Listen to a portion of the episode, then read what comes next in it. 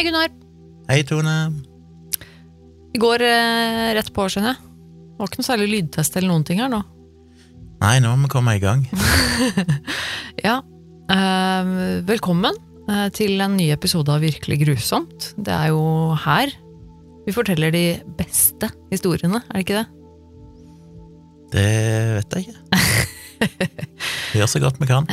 Ja, eh, men det er tydeligvis mange av lytterne våre som syns det. da. Det er veldig hyggelig.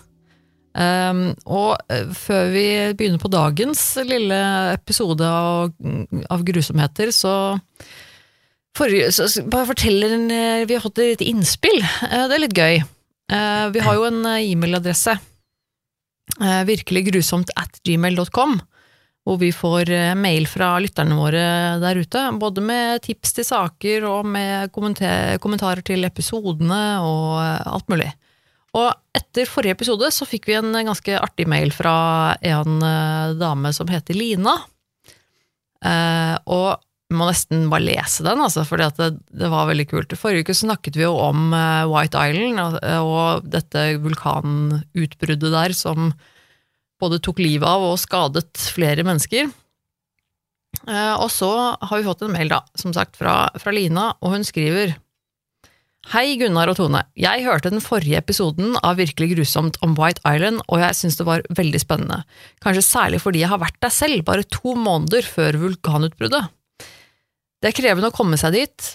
Det er en lang og særdeles ubehagelig tur på åpent hav, hvor praktisk talt alle blir sjøsjuke underveis, og hvor du dessuten i puljer må vente i kø for å flytte over i en liten gummibåt for å kunne legge til og fra kai på øya. Det er en øy så full av naturens egne kjemikalier at du blir svimmel av alle de sviende luktene og føler at du er på et kraftverk og du må bruke gassmaske for ikke å få vondt i nese og øyne.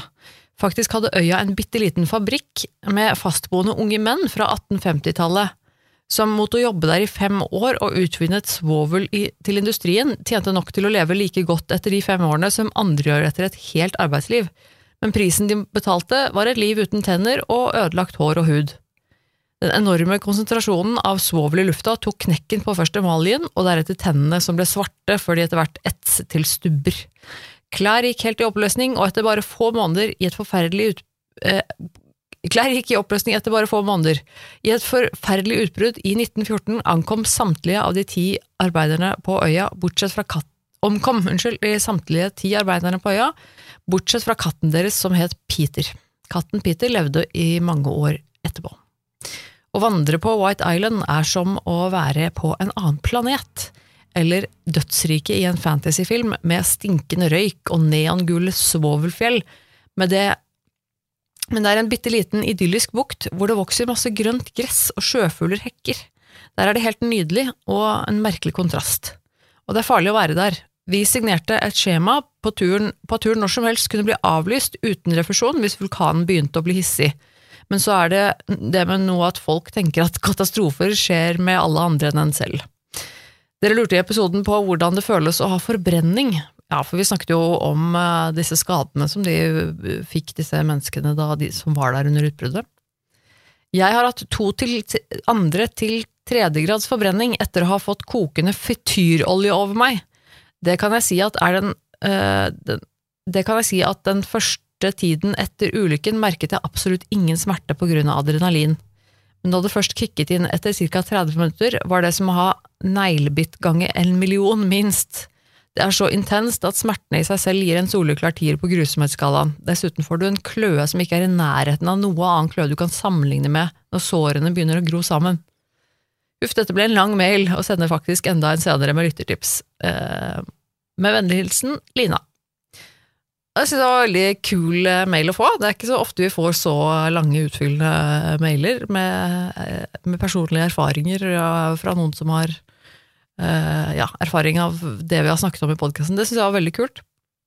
Det, jeg visste heller ikke noe om det hun Så du det noe sted? Det hun skrev om disse unge mennene på 1850-tallet som bodde og jobbet på den øya? Nei, ikke annet enn at jeg så i en video eller leste at det var en gammel fabrikk der, og jeg så noen Mm. ruiner av den gamle fabrikken, så jeg Ja, visste at det hadde vært folk der og jobba, men jeg visste ikke noe om Ja, det var, konsekvensene. nei, nettopp. Det, det, var, eh, det var kult, altså. Og jeg må jo virkelig si jeg var, Det var jo helt forferdelig å høre at hun har faktisk har fått Altså opplevd å få øh, kokende frityrolje.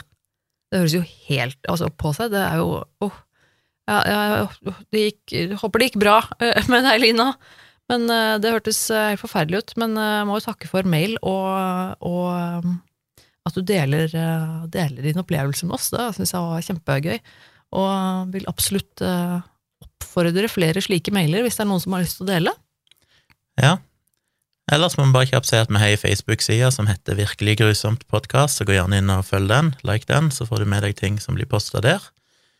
I dag så baserer jeg meg på et uh, lyttertips igjen, og det er tips ifra Marikken. Og hun har jo vært utro, for det, hun har jo hørt på uh, My Favorite Murder-podkasten. Det må ingen gjøre. det må ingen gjøre. Den er engelsk, da, så vi skiller oss jo litt d- fra den sånn sett. My Favorite Murder var faktisk en av de første podkastene jeg begynte å høre på etter Skeptics Guide to the Universe. De har holdt på lenge. Ja. Eh, ja, det er veldig lenge, for jeg tror jeg begynte å høre på podkast jeg vet ikke at jeg begynte å høre på den, men uh, jeg begynte å høre på podkaster sånn i 2007-2008 eller noe sånt, Hmm. tror jeg sjøl. Det var ikke så veldig lenge etter det. Det kan godt være jeg husker helt feil, at de starta mye seinere, men det er iallfall en av de første jeg hørte på. Ja. Jeg har til og med sett de live, de var jo i Norge Ja, og hadde liveshow på Folketeatret for ja, tre-fire år siden og sånn. Jeg vil også ha liveshow. Så det fikk jeg sett. Og de har jo en strategi som er ganske lik vår. Kanskje, nå vet jeg ikke hvor mye research de gjør. Jeg uh, hørte de, som sagt, jeg hørte bare en del episoder, så slutta jeg å høre på de. Jeg husker ikke helt hvorfor. Men de baserer seg jo på Wikipedia-artikler, egentlig, og bare sitter og snakker om de, leser de. Ja. Det gjorde de når de var i Norge òg. Da tok de for seg selvfølgelig et par norske saker. Kjente mystiske drapssaker og sånn og egentlig bare henta opp Wikipedia-artikkelen og satt der med hver sin laptop og snakka seg gjennom den live på scenen. Det var jo så vidt gøy. Ja. Så hun snakker om en episode som er nummer 117, og jeg klikka meg inn på en link, og jeg tror de har Nå har ikke jeg hørt den podkastepisoden, for jeg har ikke lyst til å høre hva de sier. Ikke lyst til at vi skal kopiere dem. Men jeg så bare navnet i tittelen på en sak, så jeg tenkte vi får òg ta den, men jeg skal jo ta noen andre saker som er relaterte, fordi det gjennomgående temaet i dag er noe som er så grusomt. Eh, Jeg vet ikke hva det norske ordet er, men på engelsk så kaller de det for fetal abduction, Mm. altså kidnapping av foster. Ja, nei, uff. Så hvis du er Ja. gravid akkurat nå, kan du velge om du vil høre denne episoden. Ja. Den er ikke kanskje ikke så hyggelige tanker å ha i hodet. Men vi skal snakke om det. Jeg er litt spent, jeg, for eh, jeg, jeg, jeg har jo hørt om dette, eh, skal man kalle det fenomenet. Det er, Ja. jeg har hørt om at det har skjedd sånne ting, men eh, jeg, jeg tror ikke jeg kommer på noen spesifikke hendelser. Og så skjønner jeg jo at dette har potensial til å bli virkelig grusomt. Så nå, jeg må, Ja. må si jeg er litt spent på disse fortellingene i dag, for jeg vet ikke hva du skal fortelle. Nei, jeg skal ta et par konkrete saker, så skal vi gå etterpå gå litt inn i og se på ja, statistikken, hvor ofte dette skjer, og litt hvorfor det skjer, og sånne ting. Jeg håper da svaret blir at det skjer ikke så ofte. Hele tida, hver dag, blir tusenvis av fosterskål. Nei da, det er heldigvis en veldig sjelden uh, greie. Jeg skal begynne med den historien som jeg tror er den de snakket om i, i My Favorite Murder, Mm. som er historien om uh, Teka, eller Tika Adams. Hvor og når er dette? Vi skal tilbake igjen til desember 2009. Tika Adams var gravid, eh, ni måneder på vei, så det var ikke lenge før hun skulle føde. Hun var nok ganske fattig, så det kan jeg skjønne, fordi hun levde i et eh, i sånn eh, homeless shelter, altså et sted oh. for eh, hjemløse i Washington DC. Og der møtte hun ei dame som hette, eller kalte seg Stephanie, selv om hun egentlig heter Veronica DeRamus, DeRamus, eller noe sånt. Mhm. Og uh, hun, eh, Veronica hun sa at hun var en sosialarbeider, og hun likte å hjelpe kvinner med dårlig eller liten inntekt som var gravide og var i en vanskelig situasjon. Så hun Veronica DeRamus sa at uh, hun hadde noen babyklær og litt sånn ting som kan være nyttig å ha når du får et nytt barn. Så hvis uh, hun uh, Tika Adams bare kom hjem til henne en tur, så kunne hun få de tingene. Mhm. Og Adams trengte definitivt både klede og ting og tang til denne babyen som snart skulle dukke opp. Hun var superhappy for å få denne hjelpen, og veldig glad for å møte noen som rett og slett virka som de brydde seg genuint om henne, og brydde seg om at babyen skulle få det bra når den kom til verden. Hmm. Så 29 år gamle Tika Adams valgte da å kjøre til en plass i nærheten, i Maryland, der hun Veronica DeRamus bodde. Så hun kom der, kom på besøk, ble sluppet inn, det var i utgangspunktet hyggelig. Eh, Veronica serverte Tika lunsj, så de satt og spiste litt og prata litt.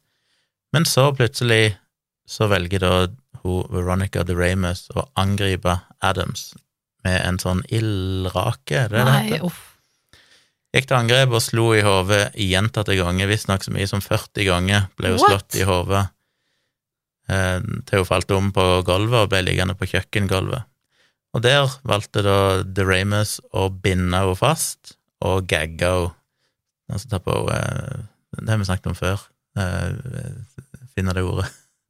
og gagge og eh, munnbind. Eh, vi hadde jo et ord for det sist. Hvorfor er jeg så dårlig i norsk? Kneble. Kneble. Kneble. Ja, ja men ja, det kom ikke til meg heller med en gang. Men, men for hun er fortsatt i live nå, Ja. etter å ha blitt slått i hodet så mye med en ildrake. Ja. Ikke sikkert hun wow. var så sterk, hun Veronica. Slo ikke så hardt, men nok til at hun iallfall kollapsa på gulvet. Hun fikk bundet henne fast og knebla henne. Og da sa hun til henne at eh, hun var der rett og slett for å ta babyen hennes. Ah, ja. Etter at hun var bundet fast og ikke kunne gjøre motstand, så gikk eh, Veronica Doramus til verks med tapetkniv og barberblad og kutta rett og slett opp magen hennes i et forsøk på å ta ut fosteret. Så hun jobba med dette.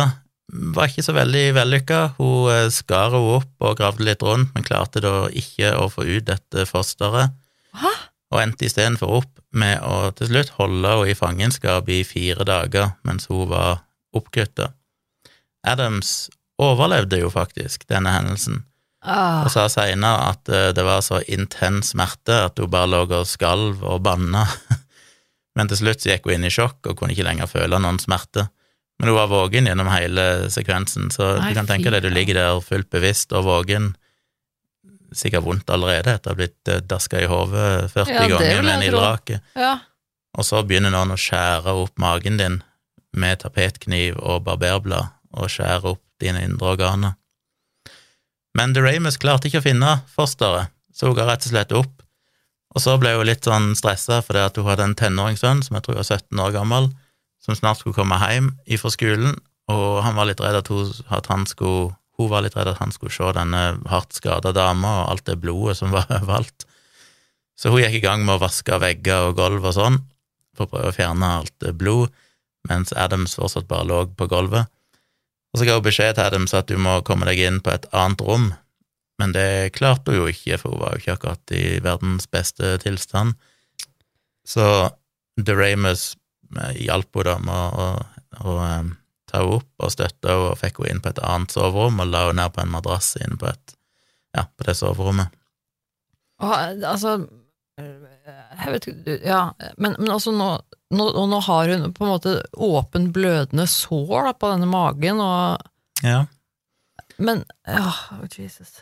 Så hun ligger der med åpen mage, og hun husker ikke så mye av det som skjedde etter at hun ble tatt inn på det rommet. Og det er litt sånn diffus hva som egentlig skjedde, men hun ble værende der i visstnok fire eller fem dager. Eh, sønnen hennes ble blanda inn i dette på et eller annet tidspunkt, uten at det kom noen detaljer om det. Det var bare jeg leste flere artikler. Sønnen til hun De. DeRamus. Ja. Men eh, han kom jo da hjem fra skolen, og jeg vet ikke hvor mye han visste, men han skal visstnok ha hjulpet til med å binde hendene hennes, eller eh, feste Å, de da med, med gaffateip og sånn, sånn at hun ble, ikke kunne stikke av. Oh, Gudene vet hva han må ha tenkt. Ja. Jeg vet ikke om han vet hva skada hun var, med mindre hun skifta klærne på henne og sånn, og bandasjerte henne eller noe, men det tror jeg ikke hun gjorde. Så må det jo ha vært en del blod fortsatt, hun må jo ha fortsatt å blødd, så Men han måtte hjelpe til med det, eh, til slutt, eh, den fjerde eller femte dagen, så fant hun såpass mye styrke at hun klarte å komme seg ut av huset mens Doramus fortsatt lå og sov tidlig en søndag morgen. Så hun kom seg ut, gikk eh, Idet hun kom ned trappa forbi huset, så ropte hun etter hjelp.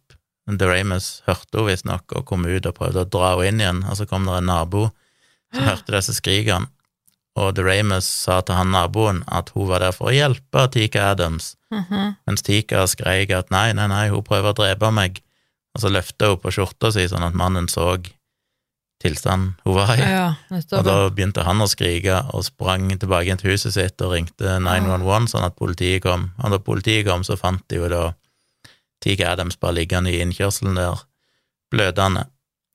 De fikk hun eh, kjørt av gårde til et lokalt eh, sykehus, og der fikk de gjort et skikkelig eh, medisinsk forsvarlig keisersnitt, og ungen levde faktisk, og overlevde Wow. Og fikk navnet Miracle. Og Adams våkna opp igjen da til nyheten om at dattera var blitt født og var i god form. Men uh, Tika Adams var jo ikke i noe god tilstand. Hun ble jo såpass hardt skada at hun kunne aldri få barn igjen. Hun, uh, da hun rømte ut av huset, så hang vel deler av innvollene liksom ut av magen hennes. Oh. Hun hadde jo blant annet gjenget løs på urinblæra hennes, i den tro kanskje om at det var livmora. What? Så livmora var jo kutta opp, nei, urinblæra var vel kutta opp, og så hadde hun liksom gravd inni der og prøvd å finne. Oh. Så uh, urinblæra var veldig hardt skada, og så hadde hun fått kutta opp alle magemusklene og sånn, så det tok jo ei god stund for å få trent opp, igjen de, sånn at hun i det hele tatt kunne stå og gå og sånne ting. Doramus uh, ble fort arrestert, hun stakk visstnok av gårde like etter sikkert når, når hun uh, Adams klarte å flykte, på en måte. Ja. Så skjønte de at dette må de komme seg vekk, så hun tok med seg sønnen sin og flykta til en nabostat eller noe sånt, men de ble ganske fort eh, tatt av politiet, og hun erkjente skyld umiddelbart til det som kalles på engelsk for first degree assault, ja. um, eller ikke umiddelbart, men da hun ble stilt for retten, så gjorde hun det, og endte opp med å få en 25 år i fengsel for dette. Mm. I under rettssaken så hevda jo da Doramus at uh, Adams hadde gått med på å selge babyen for 5000 dollar. Ja. Og det fikk jo Adams, som da satt i rettssalen med barnet sitt, så provosert at hun faktisk eh, hoppet over noen sånne hinder og sånn, og storma fram for å prøve å angripe uh, Doramus, og har sjøl sagt at uh, I tried to attack her ass in the courtroom, sa hun mens hun smilte. ja, dessverre så I- hjelper ikke det så mye for saken hennes ofte å gjøre sånn, men eh, I jeg jumped over the ble wall and I went straight for her. Øh, Tror ikke ja. hun ble straffa for det, så vidt jeg vet. Men, eh, Nei, nei, nei. men Doramus fikk jo da 25 år i, i fengsel, fordi hun overlevde tross alt, så det ble ikke en drapssak. Det ble bare et uh, voldelig angrep. Uh, og i Når denne artikkelen skrevet, den er skrevet ja, den skrev i 2022, så i år så skrev hun faktisk mulighet for prøveløslatelse. Ok. Nå, tolv år for det senere. var 2009, Og hun ble dømt i 2010, eller fengsla. så hun har sittet inne tolv år, da. Sittet inne i tolv år, ja. Så i den saken så gikk det jo bra, men det som var forhistorien her, var jo selvfølgelig at Ramus hadde jo gått rundt og ønska seg et barn sjøl, Mm. Og fortalte slektningene sine og kjæresten sin at hun var gravid, selv om det var jo på ingen selvs måte. Mm. Um, og det er jo noe som går igjen i mange av disse sakene, da, at uh, Ja. de gjerne er folk som jeg mener jeg leste i en plass, jeg husker ikke om det var denne saken, eller om det var den andre, at hun hadde mista et barn. Det er mulig den andre saken, er. Skal vi ta den, da? Sak nummer to, som Ja, er det- ganske lik For jeg, jeg får ikke noe tid til å Til å, Nei, ja, til å, til å videre. lufte meg litt før du, før du begynner på sak nummer to, eller? Jo, hvis du har noen tanker. Ah. Ja, det er mye tanker. Uh, og det er jo selvfølgelig uh, Det er jo helt sykt da, at hun faktisk overlevde. Herregud, at både hun Og barnet. at både hun og barnet overlevde. Og så Mm. tenker jeg jo sånn øyeblikkelig sånn Men hvor, hvor ufattelig noob, altså dum er du ikke da, hvis du på en måte ikke klarer Altså, hva er det du driver med? Altså, jeg kan ikke fatte hva som går gjennom hodet hennes. Det er sånn, altså Men du er Hun var ni måneder gravid. Altså, da, da, da er du på en måte Da er du stor. Da har du en stor mage, og da er du på en måte ferdig, holdt jeg på å si. Ja. Um, og jeg skjønner jo at selv om, altså selv om du er gravid og magen er stor, så er det jo ikke bare mage. Ikke sant? Du har jo fortsatt organene dine og musklene og sånn inni der, men de blir jo liksom sånn skvusja litt sånn ned og bort og til siden og vekk. Og, ikke sant? Eh, så, jeg, så jeg skjønner jo på en måte at det er jo ikke bare det er jo ikke bare bare, liksom. Eh, og- det er jo en grunn til at eh, keisersnitt er en, er en forholdsvis inngripende operasjon, for du kutter jo faktisk inn gjennom omtrent halve kroppen, du skal inn gjennom mye, mye vev og mye Så jeg, jeg skjønner jo det, men likevel så er det sånn Men, men du, du klarte ikke å finne babyen. Det, det største rommet, det rommet der, der, inni den magen som er aller størst, liksom, det som tar mest plass, du klarte ikke å finne det. Du fant urinblæra som da er så skvisja inni der, og begynner Mm. å grave Altså, jeg skjønner ikke hva Det må jo være helt totalt talentløs, denne damen. Eh, Unnskyld Ja. at jeg sier det, men eh, Ikke vær slem med henne. Nei, ja, nei, men ikke sant? Nei, det jeg tenker jo det, at det, må jo, det, var, det er jo helt utrolig. Helt utrolig. Um, men eh, selvfølgelig også tragisk at, at det kan gå så galt. Ja, nei, ja. Eh, vi kan jo selvfølgelig snakke mer om dette på slutten, men eh, ja. Hva er sak nummer to? Nå er jeg spent. Sak nummer to eh, handler om ei som heter Ashley Wade, som òg hevder at hun var gravid, men ikke var det. Hun hadde en kjæreste, og på Facebook og sånn, og det finnes Facebook-poster og bilder av det, så omtalte hun seg gjerne som eh, sin kjærestes eh, gravide Eller, ja, hennes, typen hennes Mannen, nei, kjæreste, blir smør på flest. Kjæresten hennes gravide kjæreste. Ja, jeg skjønner. Og de posta til og med bilde av sånn ultralydbilde som viste fosteret i magen, Mm. og skrøt liksom av at hun snart skulle få baby. Og de hadde òg satt opp sånne eh, gavelister i forskjell, på forskjellige nettsteder, der folk kunne da kjøpe gave til dem når hun skulle få denne babyen, Mm. ting de trengte. Og ifølge disse gavelistene så skulle da eh, termin være 16. november dette året. Hvilket år var dette? Det må jeg komme tilbake til, for det ble jeg litt usikker på nå. Mm. Det er noen få år siden. Altså, det var etter den andre saken? Så det er etter den andre Ja. saken. Dette er i New York, og Ashley Wade hun hadde nylig da fått kontakt med en barndomsvenn som heter Angelique Sutton. Og Sutton, hun òg var gravid, og det var ikke så lenge til hun heller skulle ha baby. Jeg tror hun hadde termin 1. eller 2. desember eller noe sånt det året. Ja, Nok neppe tilfeldig. Så omtrent på samme tida som Wade, da. Og Wade hadde jo snakka med naboer og med hun som hun leide leilighet hos, og, og var ganske sånn detaljert. Hun forklarte jo til hun utleieren sin at hun hadde vært på sykehus en periode, for hun hadde hatt noen komplikasjoner med at morkaka eh, blokkerte fødselskanalen og sånn, og kom all slags sånne historier Mm. om hvordan denne graviditeten var. Mm. Det var ingen som så at hun hadde noe sånn tydelig tegn på å være gravid, men hun var jo ganske kraftig dame, og så det var liksom ingen som egentlig stilte spørsmål ved det, for det er ikke så lett å se. Nei. I mange av disse sakene her så ender de opp med å, å kjøpe sånn falske mager og gjøre alt Mm. mulig rart, men i denne situasjonen så tror jeg ikke det. Og typen hennes trodde jo òg at hun var gravid, Ja, og hun hadde jo dette ultralydbildet og sånn, som da åpenbart bare var et eller annet ultralydbilde hun hadde lasta ned fra nettet. Det er noe lett å finne dem, Og posta det og sånn, så han gikk jo rundt og trodde at han faktisk eh, skulle bli far snart. Så connecta hun da, eh, gjenopptok kontakten med denne barndomsvennen sin, Angelique Sutton, og eh, hadde litt kontakt, og så, denne dagen dette skjedde, så skulle faktisk Angelique Sutton gifte seg Nei. med en kjæreste hun hadde hatt i veldig lang tid, og som da var faren til dette ufødte barnet foreløpig. Mhm. 22 år gammel var hun. Og hun eh, Nei, det er så tragisk, vet du. Men hun hadde fått beskjed da av Wade at kan ikke du bare stikke innom en tur, for jeg har en, en gave jeg har lyst til å gi i anledning bryllupsdagen. Mhm. Så da hun kom inn og der, innom eh, Wade, så ble hun angrepet ganske umiddelbart. Og det, dette er jo Dette er jo, virker som en mer planlagt og gjennomtenkt handling.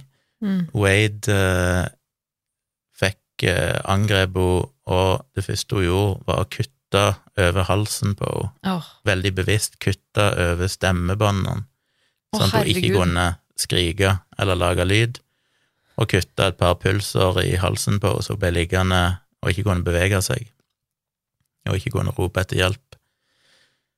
Og så gikk hun løs på med kniv, og ganske sånn eh, presist, virker det som. Hun gikk inn og fikk kutta ut hele livmora, som hun løfta ut av magen med What? babyen inni, og så åpna hun opp eh, livmora og tok ut babyen, og eh, stakk av med den.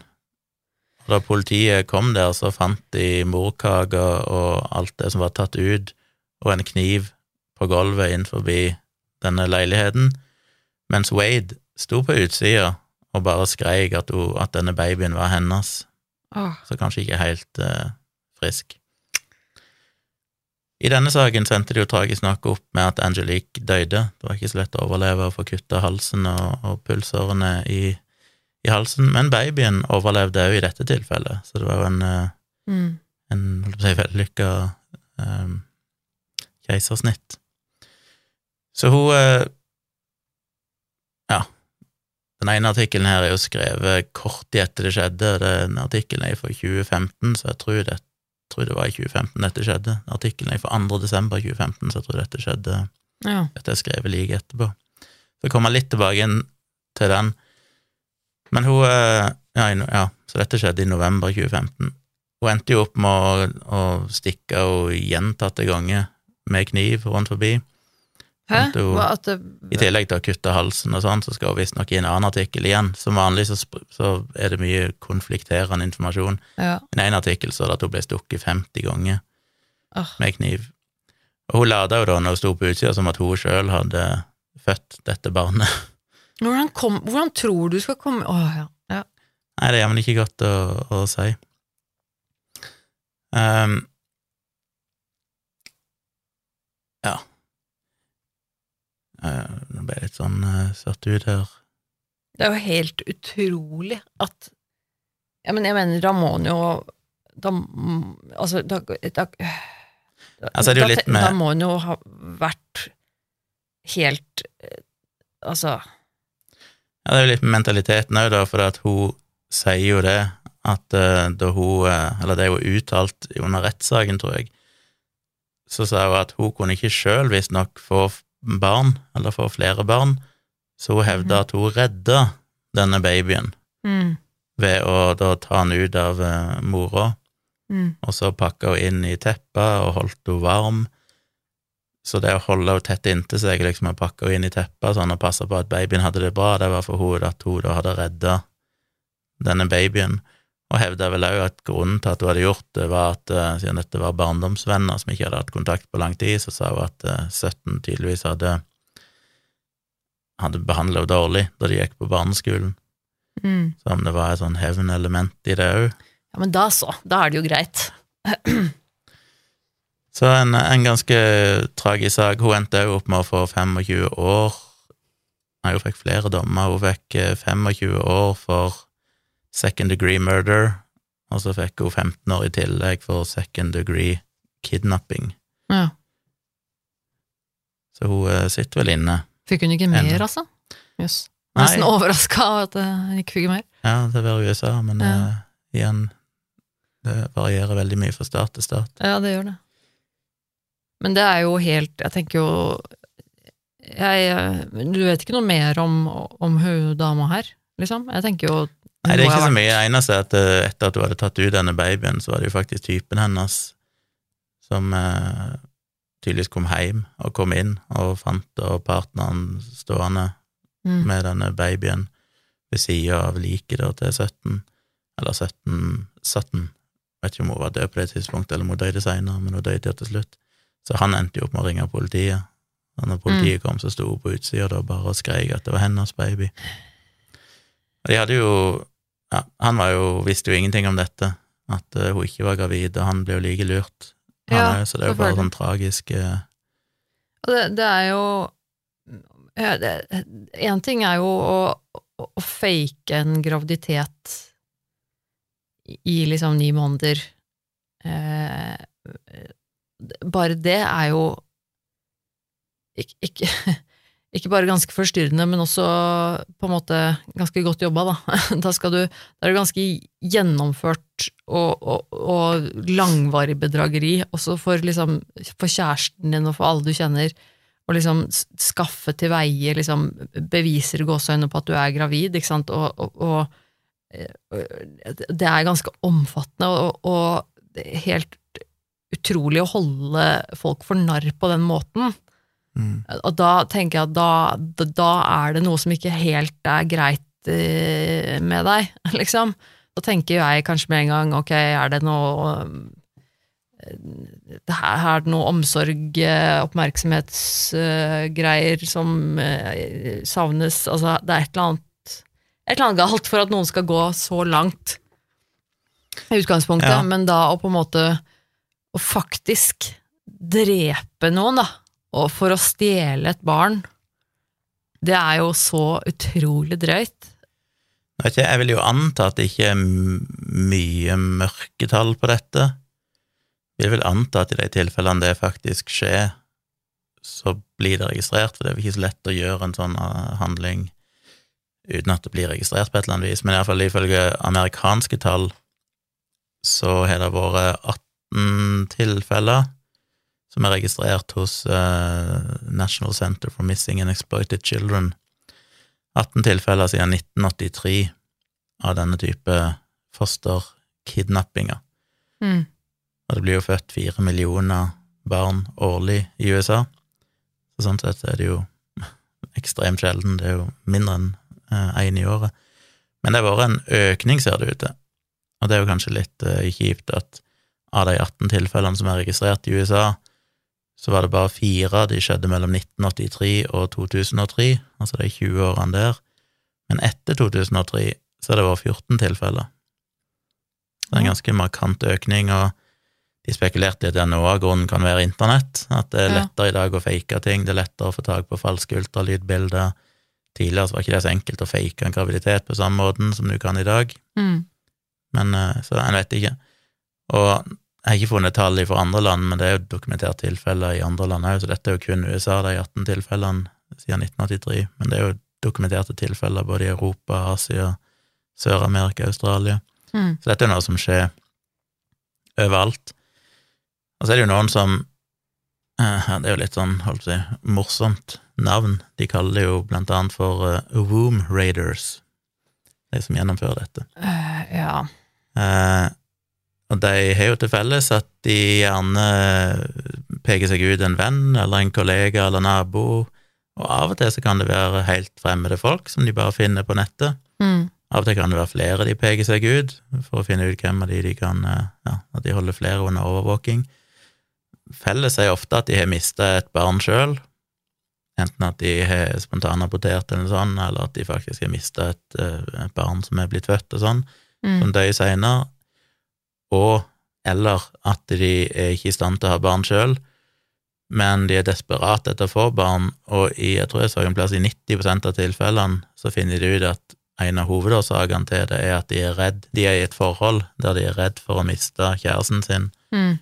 hvis ikke de kan føde et barn som de føler kan holde de sammen. Mm. Så det å bli gravid og føde et barn er liksom det siste strået for å holde dette forholdet, at ikke mannen skal stikke av, og når ikke de da kan få barn, så faker de det. Og så må de da bevise det på et eller annet. De kan fake det i ni måneder, men før eller senere så må det nesten komme et barn. Ja, det Og er det. da ender de av og til opp med å, å stjele. Og så er det jo noen som vil hevde at eh, Eller det er fort gjort å si at det er en sånn morsinstinkt som går amok, men som disse psykologer sånn som har jobba med dette, sier, så er jo det helt misvisende. For jeg mener, hvis det hadde vært tilfellet, så hadde en sett mye flere eksempler på dette. Det er nok Ja. mer drevet av narsissisme og grandiose vrangforestillinger Ja. enn at de faktisk er sånn et ekstremt behov for å liksom ha et barn og, og ta vare på det. Mm. Det er heller ikke noe god evidens for at de gangene de ender opp med å stjele barn, at de egentlig bryr seg noe spesielt om babyen etterpå, at de bonder med det på noe vis. Nei, Det det, er mer handlingen, liksom, å kunne bevise at de har fått den følelsen av at de er, er født et barn. Ja. Og de er ofte ekstreme sånne con artists, altså de er ekstremt Mm. til å fake ting. Og de fleste av de er visstnok ikke psykotiske når det skjer, selv om de ofte har en eller annen en og annen psykologisk eh, problem, psykisk sykdom, men ikke nødvendigvis psykotiske, så de er som regel klar over det de gjør. De er jo Mm. tilregnelige. Det er planlagt lenge, og det er gjort bevisst. Um, og så er det jo en sånn fellesnevner om at de er gjerne veldig preget av tvangshandlinger og veldig manipulative mennesker som gjerne også søker kontroll og oppmerksomhet fra folk rundt seg. mm. Minner jo nesten litt om sånn Munchausen by proxy, at det er folk som trenger oppmerksomhet. Eller Mun- Munchausen syndrom, egentlig, da. Eh, For da er det jo at de at Det var det jeg tenkte på i stad også. at Det, det er jo gjerne det man ser i mennesker som lider av Munchausen syndrom, at de, at de har et ekstremt behov for oppmerksomhet og omsorg, og de har behov for å bli elsket, eller behov for et eller annet spesielt fra andre mennesker rundt seg, som gjør at de igjen da går til ekstreme øh, lengder, holdt jeg på å si, for å, for å få det i forskjellig grad, og da kan man jo også da typ, ikke sant, komme til å, eh, som du sier, fake en graviditet, da, fordi at man føler at det er eneste måten jeg får den, den oppmerksomheten og omsorgen jeg trenger, jeg kjenner at oh, jeg har lyst på det, og liksom at andre ser på meg på den måten, eller at andre tenker om meg sånn, eller behandler meg på den og den måten.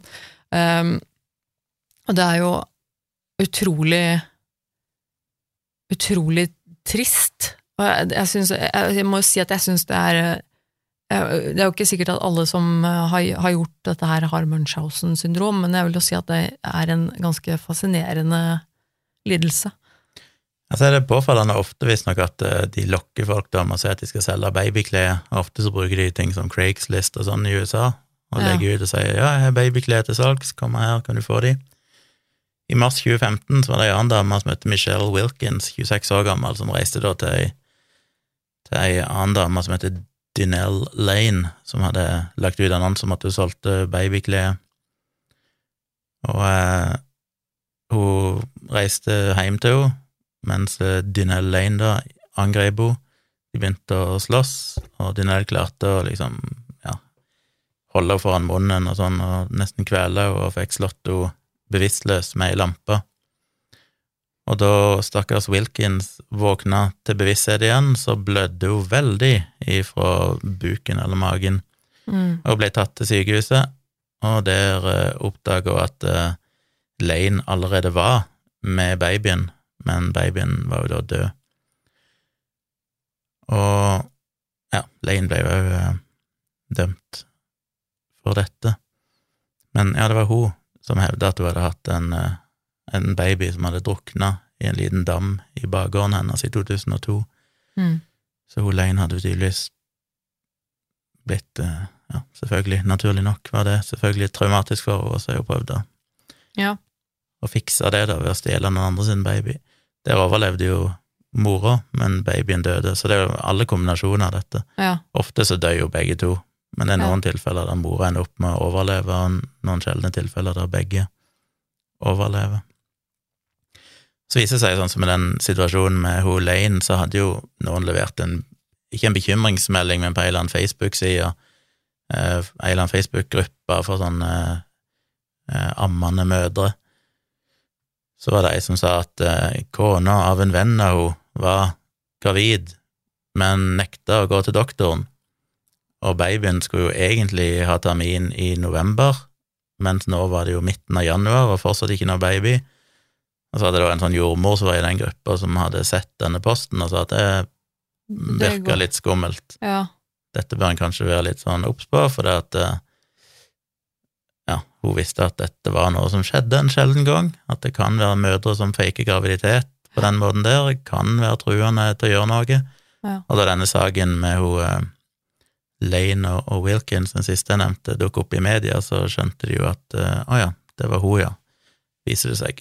ja. Så hun hadde jo veldig dårlig samvittighet i ettertid for at ikke hun hadde gått videre med den saken og rapporterte, følt skyldfølelse for at ikke hun hadde fått uh, stoppa dette.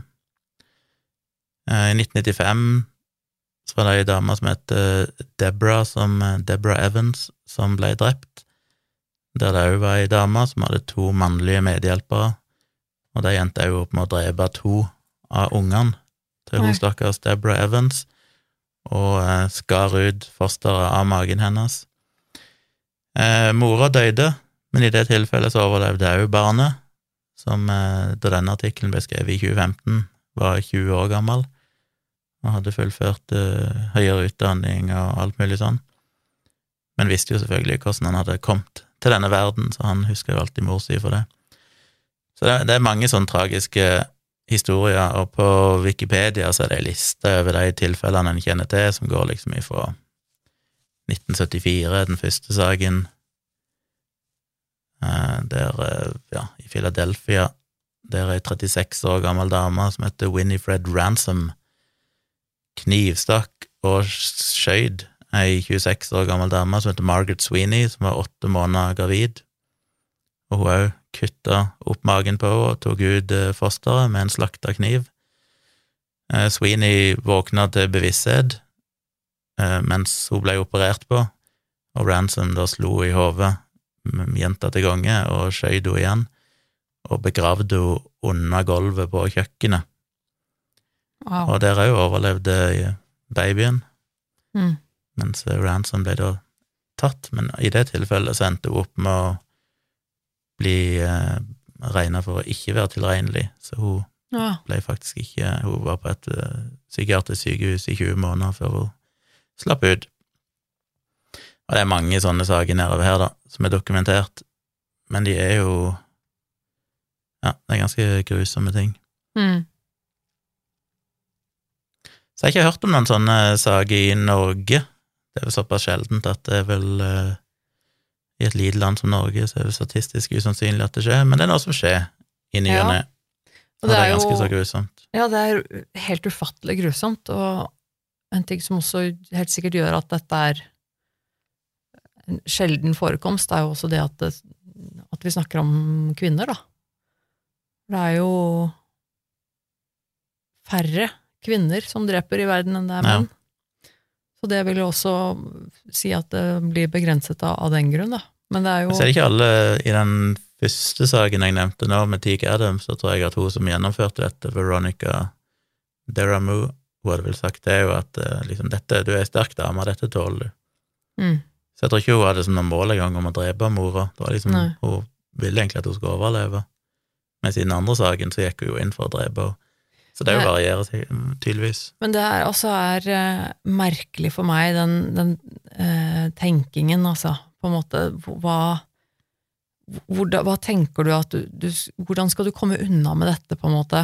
Hva Altså En ting er jo hvis du dreper Hvis du dreper moren, og du har faka et, en graviditet eh, utrolig godt, så kan det jo selvfølgelig hende, da, at, eh, at de rundt deg, de som, de som tror at du er gravid, vil, vil tro deg at det er du som har født denne barnet. Det kan jo hende at de lar seg lure.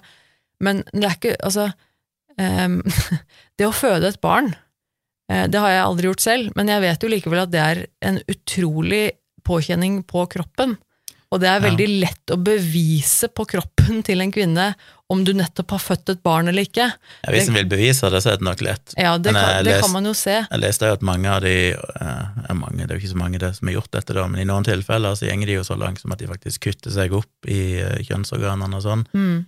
for å simulere at de er født et barn. Ja, men det er jo like, og det er, det er, ikke sant, det er, det er jo helt forferdelig, men likevel så er det jo mye mer enn det. Mm. Hvis du ikke har vært gravid, så har du heller ikke de samme hormonene, for eksempel, som en kvinne som er gravid har i kroppen. Det er mange måter man kan, man kan påvise at, at dette er ikke biologisk mor. Og så er det jo også noe med at eh, da har du jo drept et annet menneske. Da er du plutselig et annet Ja. menneske som Ikke bare et annet menneske, men, men altså et menneske som var gravid, som plutselig Altså, blir den borte, du og som er savnet. Og så er det sånn, hva tror du at, Jeg at det Hvis de har prøvd på det I det ene tilfellet så har jeg lest i fra 1974, så gravde hun i det minste liket ned under gulvet. Ja, Men det virker som de fleste sakene her, så prøver de ikke engang å kvitte seg med liket, så det er sånn, det er jo game over med en gang. For når Ja, du finner og noen det som er kuttet opp i magen, som var gravide, så vet Ja. du på en måte hva som har skjedd. og hvis du har på en måte kvittet deg med det liket og, og graver ned denne moren, liksom, og sånn, så er det jo på en måte én ting at ja, da skjønner jeg Det er det perfekte jeg drap du må gjennomføre hvis du skal slippe unna med det. Ja, men ikke sant, og da likevel da, la oss si at det går bra, og du klarer å kvitte deg med, med liket til moren, altså likevel det er sånn, men det er noen som leter etter denne moren og det barnet, mest sannsynlig, og det er ganske mange måter å bevise at dette barnet ikke er ditt biologisk, Mm. Eh, men, men det er, Det er derfor det alltid er så vanskelig å tenke seg at de blir At de liksom er Ja, i mange av de sakene vi snakker om med drap, og så viser det seg at de er tilregnelige. jo, men det er det, det er det jeg tenker også at i, i de tilfellene hvor du da på en måte dreper en, en gravid kvinne for å stjele barnet hennes, og bare på en måte, sånn, nå var barnet mitt, uten at, altså da tenker jeg at da har du, da, da må du jo ha ganske kraftige vrangforestillinger. Hvis du, for, Ja. hvis du på en måte tror at, at du skal komme unna med det, at det på en måte er, at, at du kan bare gjøre det uten at det skal ha noen konsekvenser, da tenker jeg at da må det jo, da må jo være noen fryktelige vrangforestillinger. Men jeg, men jeg, jeg er tenker jo også at jeg, de altså, går tydeligvis rundt og tenker at når de bare får dette barnet, for det er jo det som ligger bak, at eh, de har jo sett det, at når du får barn, så får du ekstremt mye oppmerksomhet. mm, omsorg og det er ikke Ja, måte på. det er jo det de søker. Mm. Men den ideen der de har tenkt på dette da, kanskje i ganske lang tid, og hatt den ideen med hvis jeg bare stjeler dette barnet, så vil jeg Altså, that's not compute. Hvordan kan de tenke seg at uh, da skal de bare leve lykkelig, og alle skal komme og gi de gaver og tenke at dette er deres baby, og ingen oppdager at det er et lik som Ja, nei, jeg Jeg tror det er, det er vel der den uh, virkelighetsoppfatningen brister litt, da. At, For jeg har alltid eh, lurt på hva er definisjonen av å være tilregnelig, for de er åpenbart tilregnelige, det vil si at de visste hva de gjorde, at det var galt, det er kanskje nok, Ja, da. Ja.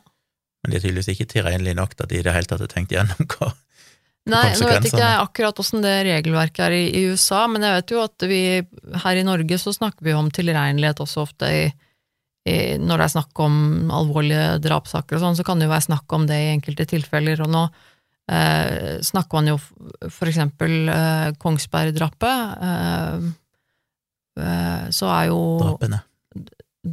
ja, ja, drapene, herregud, drapene. Ehm, så var det jo det med denne mannen som gikk løs på folk med pil og bue og kniv uh, for ikke så lang tid siden. Her er det jo snakk om at dette Nå ser det ut som det mest sannsynlig blir, blir til at han er, blir funnet ikke Altså utilregnelig. Mm. Og da er det jo noe med at de ser på han som såpass psykisk syk at han ikke var i stand til å, til å skjønne hva det var han gjorde. Eh, til å skjønne at, at altså For at han hadde mest sannsynlig da kanskje en psykose eller en eller annen form for hallusinasjon, virkelighetsforvrengning, som gjorde at han på en måte ikke klarte å skjønne eh, skjønne egentlig hva det var han drev med, på en måte som, som tilsier at han skal straffes for det. Og jeg tenker at da, Det er jo forskjell på det og, og det å bare være psykisk syk, på en måte. For det er jo mange De, de aller fleste, egentlig, eh, jo, kan jo ha, slite med psykisk sykdom eller psykiske plager eh, og gjøre kriminelle handlinger og likevel vite at det de gjør er galt. Og det er jo også sånn, sånne ting som den ene saken vi snakket om nå, jeg tenker ehm, hun som For det var det jeg tenkte på i stad også, hun, det var vel den saken nummer to du snakket om, det er hun som faktisk drepte, drepte moren. Mm. Um, og, og jeg tenker at her, der er det jo en ganske Det er jo en grad av planlegging inni bildet her, ikke sant? Uh, det har jo også noe med saken å gjøre. Det med at, de har, at dette er noe, de noe som er planlagt over lang tid, dette er gjennomtenkt og planlagt, det, jo, det viser jo også en form for tilregnelighet. Da. At dette er noe du, du er klar over hva du gjør, og, og har tenkt på det lenge. Uh, det har jo selvfølgelig også noe å si.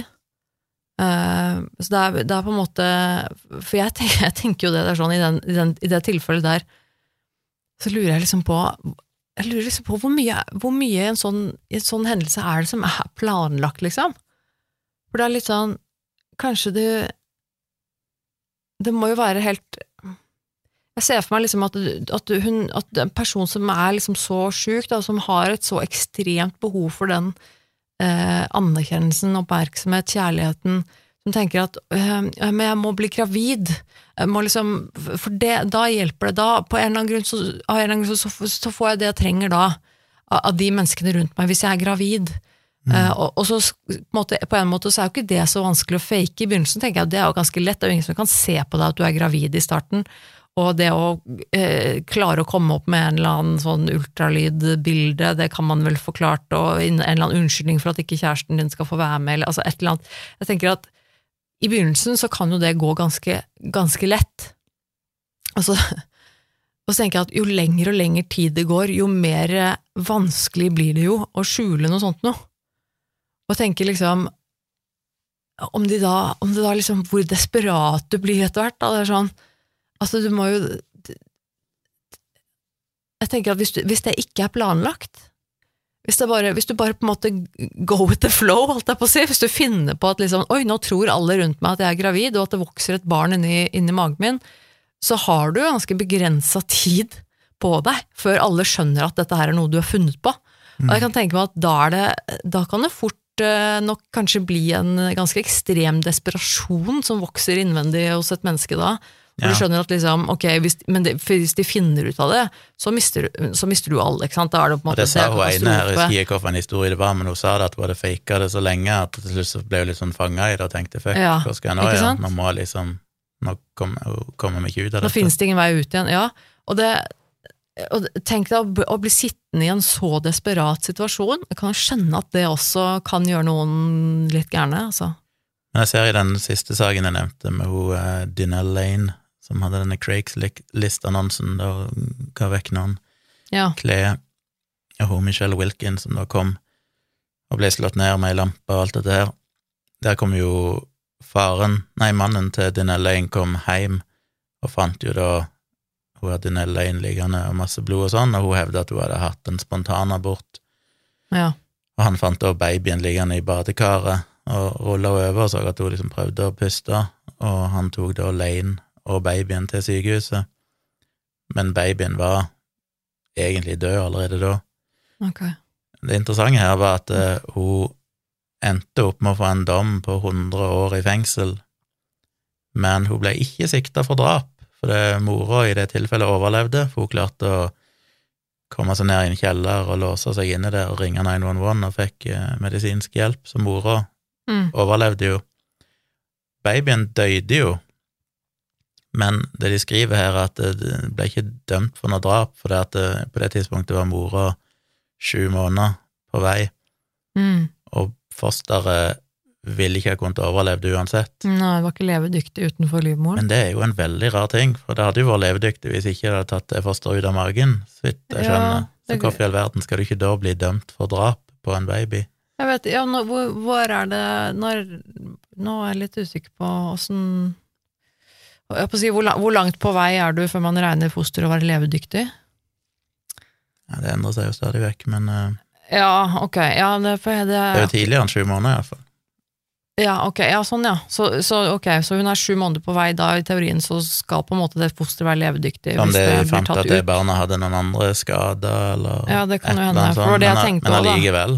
Jeg mener, så lenge babyen var levende mens den var i Ja. magen, Ja, så, så døde du jo Er det jo hennes skyld at babyen døde? Ja, det vil jeg er litt som at hvis du føder et barn som har en såpass alvorlig skade at de vil ikke leve lenger enn til de er ti måneder gamle, Mm. og så dreper du det, så er det sånn nei, men de vil jo ha dødd uansett, så vi regner ikke det som drap. Det blir litt sånn, liksom, i en ekstrem versjon. Så merkelig at ikke, det ble det ikke litt- sikta for noe drap i den situasjonen. Fikk 100 år i fengsel allikevel, så det har vi ikke så mye å si i praksis, men Merkelig system, det. Nei, det med tilregnelighet er vel bare, iallfall vi snakka så vidt om det før, tror jeg, i en sak om at det handler jo, iallfall i USA, da primært om at du vet konsekvensene av det du gjør, at du skjønner at du skader andre, alt det her. Mm. Ikke at du nødvendigvis Det kan jo være temmelig ha temmelig mye vrangforestillinger om alt annet og være temmelig psykisk sjuk, men du er fortsatt tilregnelig så lenge du var klar over at det du gjorde, var galt Mm. og var straffbart og skade andre, for eksempel. Så Ja, for det er jo noe med det, og det er jo ofte også det som kan være vanskelig i straffesaker, da, hvor det er snakk om tilregnelighet, det er jo det at man, eh, selv om man er Selv om, altså selv om man begår en straffbar handling, eh, la oss si man dreper noen, og så er vedkommende som dreper noen, er, også eh, diagnostisert med schizofreni, for eksempel, mm, som er en psykoselidelse, eh, så betyr ikke det nødvendigvis at vedkommende er utilregnelig, for man må jo også bevise at da vedkommende var psykotisk eller ikke hadde virkelighetsoppfattelse da når det skjedde. Mm. Altså at, at han var påvirket da det her ble, ble, ble gjort, da. Og det, det er jo også en del av? Ja, men nå vedkommende er han uh, har psykoselidelse, å ja, da er han utilregnelig. Ja, men ikke nødvendigvis. Så det er et ganske komplisert uh, komplisert opplegg der. Det er jo kjempevanskelig. Jeg skal jo som vanlig lenke til noen av disse artiklene, pluss den Wikipedia-artikkelen om fetal abductions i shownotes til podkasten, og det legger vi jo ut på Facebook-sida vår når vi poster episoden med litt bilder og sånn. Og så må jeg også si at eh, jeg føler jo ekstremt vondt for disse stakkars mennene, og selvfølgelig andre familiemedlemmer som blir lurt, Mm. men, men kanskje mest for den som på en måte tror han skal bli far, da. Eh, og så tenk deg det, og så ender du opp med liksom ikke bare eh, ikke skal du bli far, men, men dama di har jo også vært helt crazy, og så har hun drept noen og stjålet et barn. Altså det er bare sånn Det, det er jo helt sinnssykt. Ja. Det må være Og når en leser de her eh, tidligere sakene, så er det altså så mye Det er mye adhoc her. Altså, I 1987 ei dame som ble uh, kidnappa og kvalt til døde, gravid.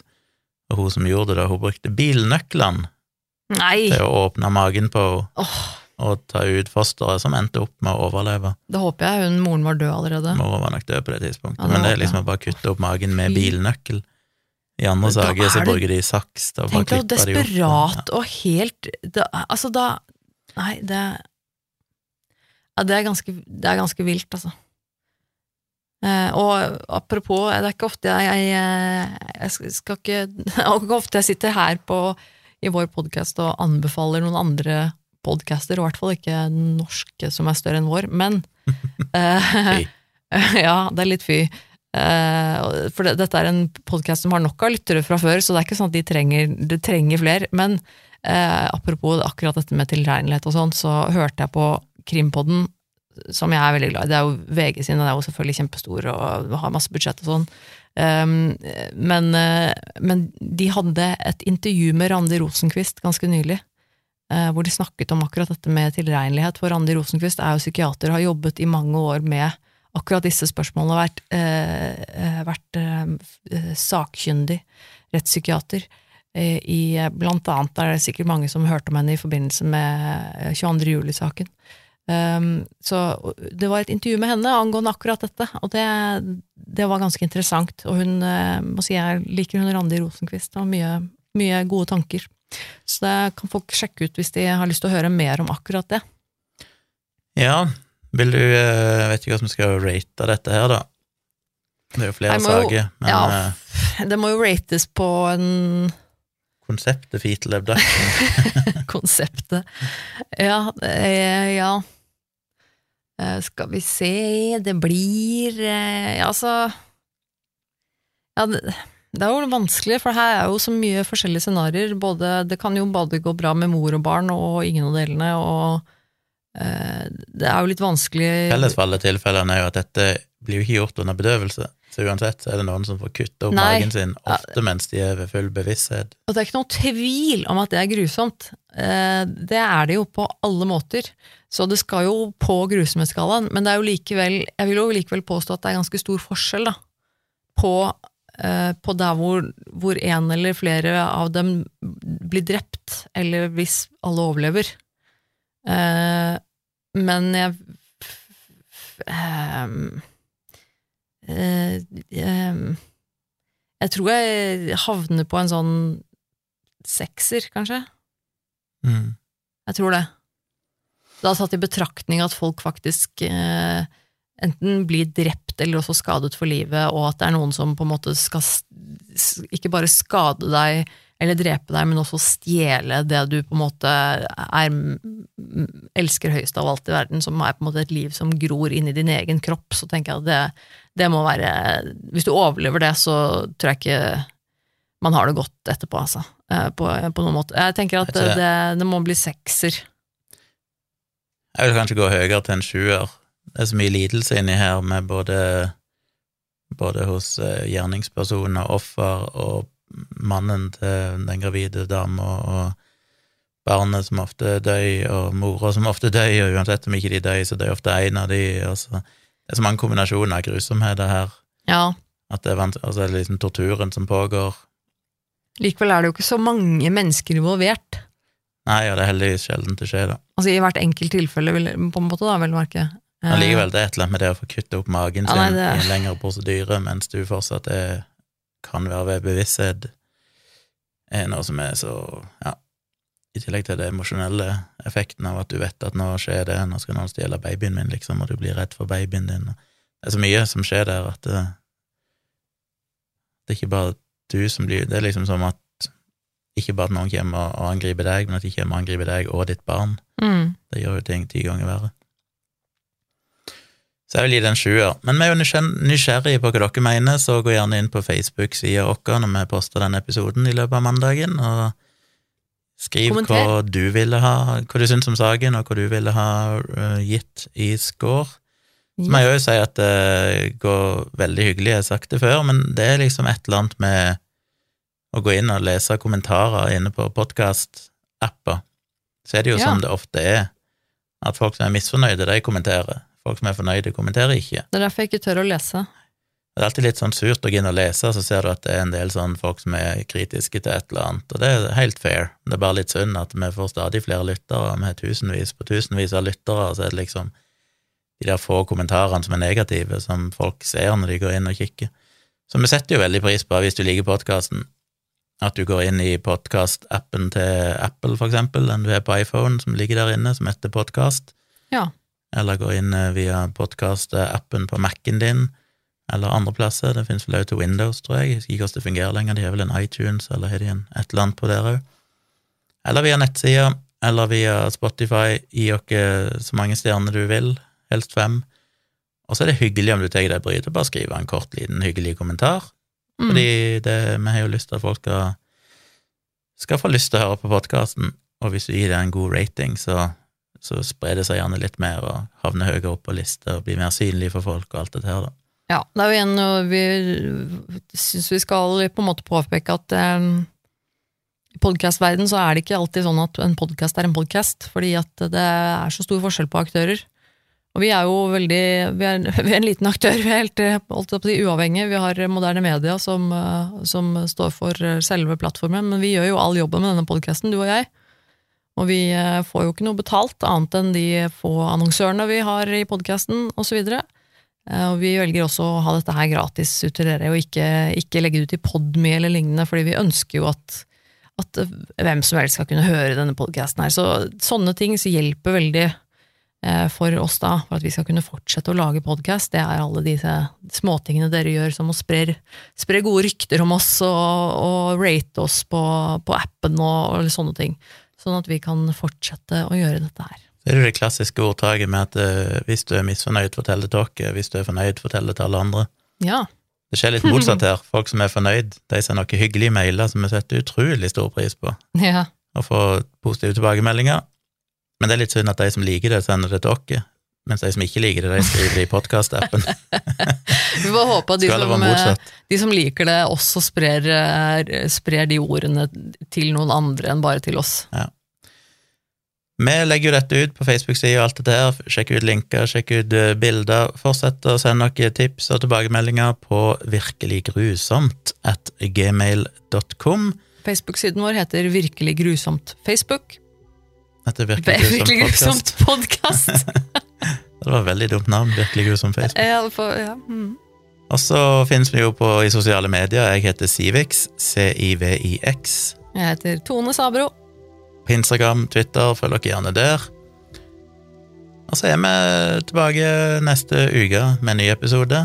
Yes. Inntil videre så må du ha en eh, fantastisk 17. mai-feiring. Men da hadde jeg allerede det? glemt at det var 17. mai. Ja, vi skal nok ikke gjøre så mye ut av det, men det er jo en 17. mai-øyeblikk. Ja, for Så spis, dere. spis masse is og kos dere, og håp forhåpentligvis eh, får vi sol og fint vær, så ja. Takk for at du hørte på. Vi snakkes igjen Ha om ei uke. Ha det.